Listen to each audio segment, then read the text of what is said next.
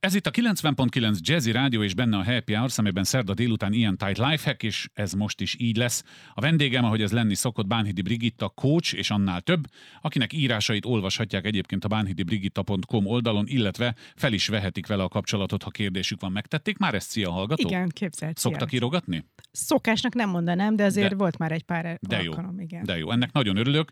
Buzdítom a hallgatókat arra, hogy írjanak, ha kérdésük van, és a korábbi beszélgetéseket pedig a jazzy.hu-n hallgassák vissza, mert a legtöbb beszélgetésünk az egy sorozat része, és érdemes az előzőt hallgatni ahhoz, hogy a következő meglegyen. Most hogy állunk önálló témával, vagy folytatjuk a múlt heti burnoutos dolgot? Most még egy kicsit régebbre utalok Na. vissza, ami ráadásul előremutató lesz. Jó. Mert itt vagyunk augusztus végén, és most egy csomó ügyfelemmel egész augusztusban azon dolgozunk, hogy szeptember 1-től megyünk vissza az irodába. Persze ki, ha megyünk, de... Ha, megyünk, ezt, ezt sose lehet az a biztos, ami már megtörtént. Így van. De hogy, hogy, és hogy milyen mértékben az is nagyon változó, mert van, aki csak megengedi, van, aki fél, fél időt ír elő, van, aki azt szeretné a minden, minden na. Tehát ezen a kategórián belül hoztam egy olyan témát, ami feladata ö, azoknak, akik az irodába hívják vissza a kollégákat, abban az esetben, hogyha a pandémiás időszak alatt vettek fel valakit remote, igen. Felvették úgy, hogy még sose találkoztak egymás, vele, egymással, az illető az irodával. Úgy hívjuk ezt, hogy amikor valakit felveszünk egy helyre, hogy onboarding. Uh-huh. Üdv a fedélzeten, mondták régen az amcsik, igen. Igen, igen, igen. Ugye őt üdvözöltük a, az online fedélzeten, ezért ezt, amit most kéne csinálni, ezt úgy, úgy hívjuk, hogy re-onboarding. Mm-hmm. Tehát, hogy még egyszer üdvözöljük Reüdvözlés. őt. Re- újra üdvözlés. Üdvözöljük őt az irodaházban, illetve abban a közegben, amikor hibriden majd ide is, meg oda is járunk be, de hogy ez az illető például azt se tudja, hogy a mit tudom én, az egyik lift gyorsabb, mint a másik, hogy a meeting roomokba úgy szoktunk bejutni, hogy ha foglalni akarok tárgyalót, akkor a... Szóval, hogy amire eddig nem volt szüksége azért, mert minden csak a kétdimenziós online mhm. világban uh-huh. működött, azt itt most újra meg, meg kell, vagy hozzá kell neki szoknia. És akkor azt fogod most elmondani, hogy mire figyeljen a vezető, amikor újra reüdvözöl egy, egy eddigi online kollégát fizikai valójában? Az egyes pont az az, hogy csináljon ilyet. Aha.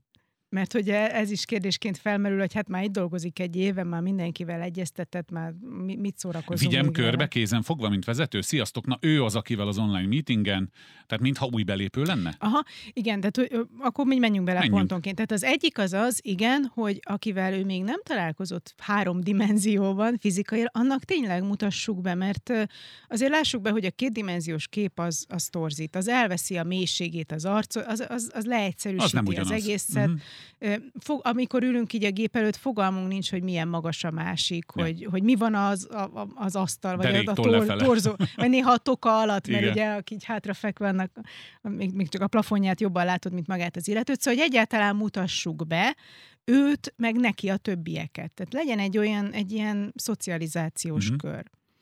Aztán a másik, hogy ezeket az illetőket hozzuk össze. Tehát ők a legközelebb most a velük hasonszörűekhez állnak, akiket ugyanígy vettünk föl online, és még nem találkoztak. Tehát ők legalább ismerjék meg egymást, hogy na, ti mind újak vagytok, ti mind ebben az új érdekes világban csatlakoztatok hozzánk.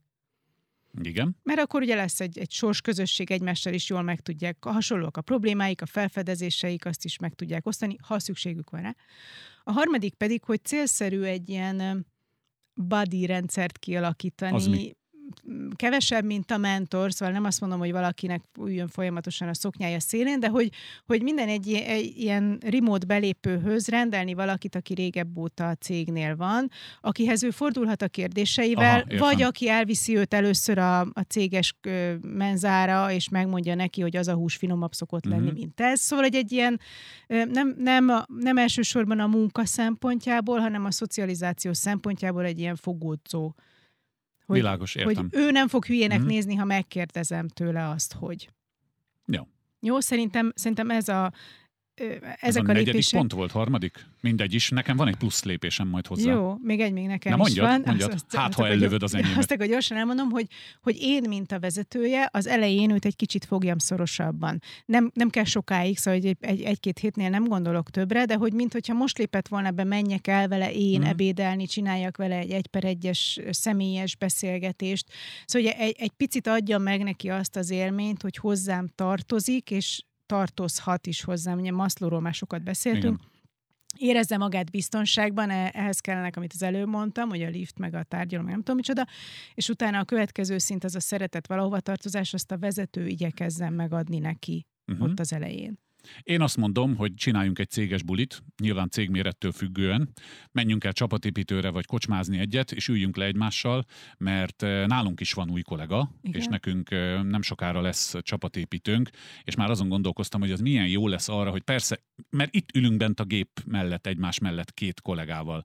Megbeszéljük, amit kell, hogy az adás, meg a nem tudom, de úgy egyébként nem tudok róla semmit, de ha majd elmegyünk a csapatépítőre, és a tábortűz körül ülünk, és a rozé fröccse kezünkben van, ott megint, ott fogom őt megismerni. Aha. Ez lenne az én plusz pontom, hogy amennyiben a büdzsé meg a csapat mérete meg lehetővé teszi, helyzet. meg a vírushelyzet lehetővé teszi, menjünk el valóva, üljünk be, ettől kívül, és úgy is ismerjük meg egymást.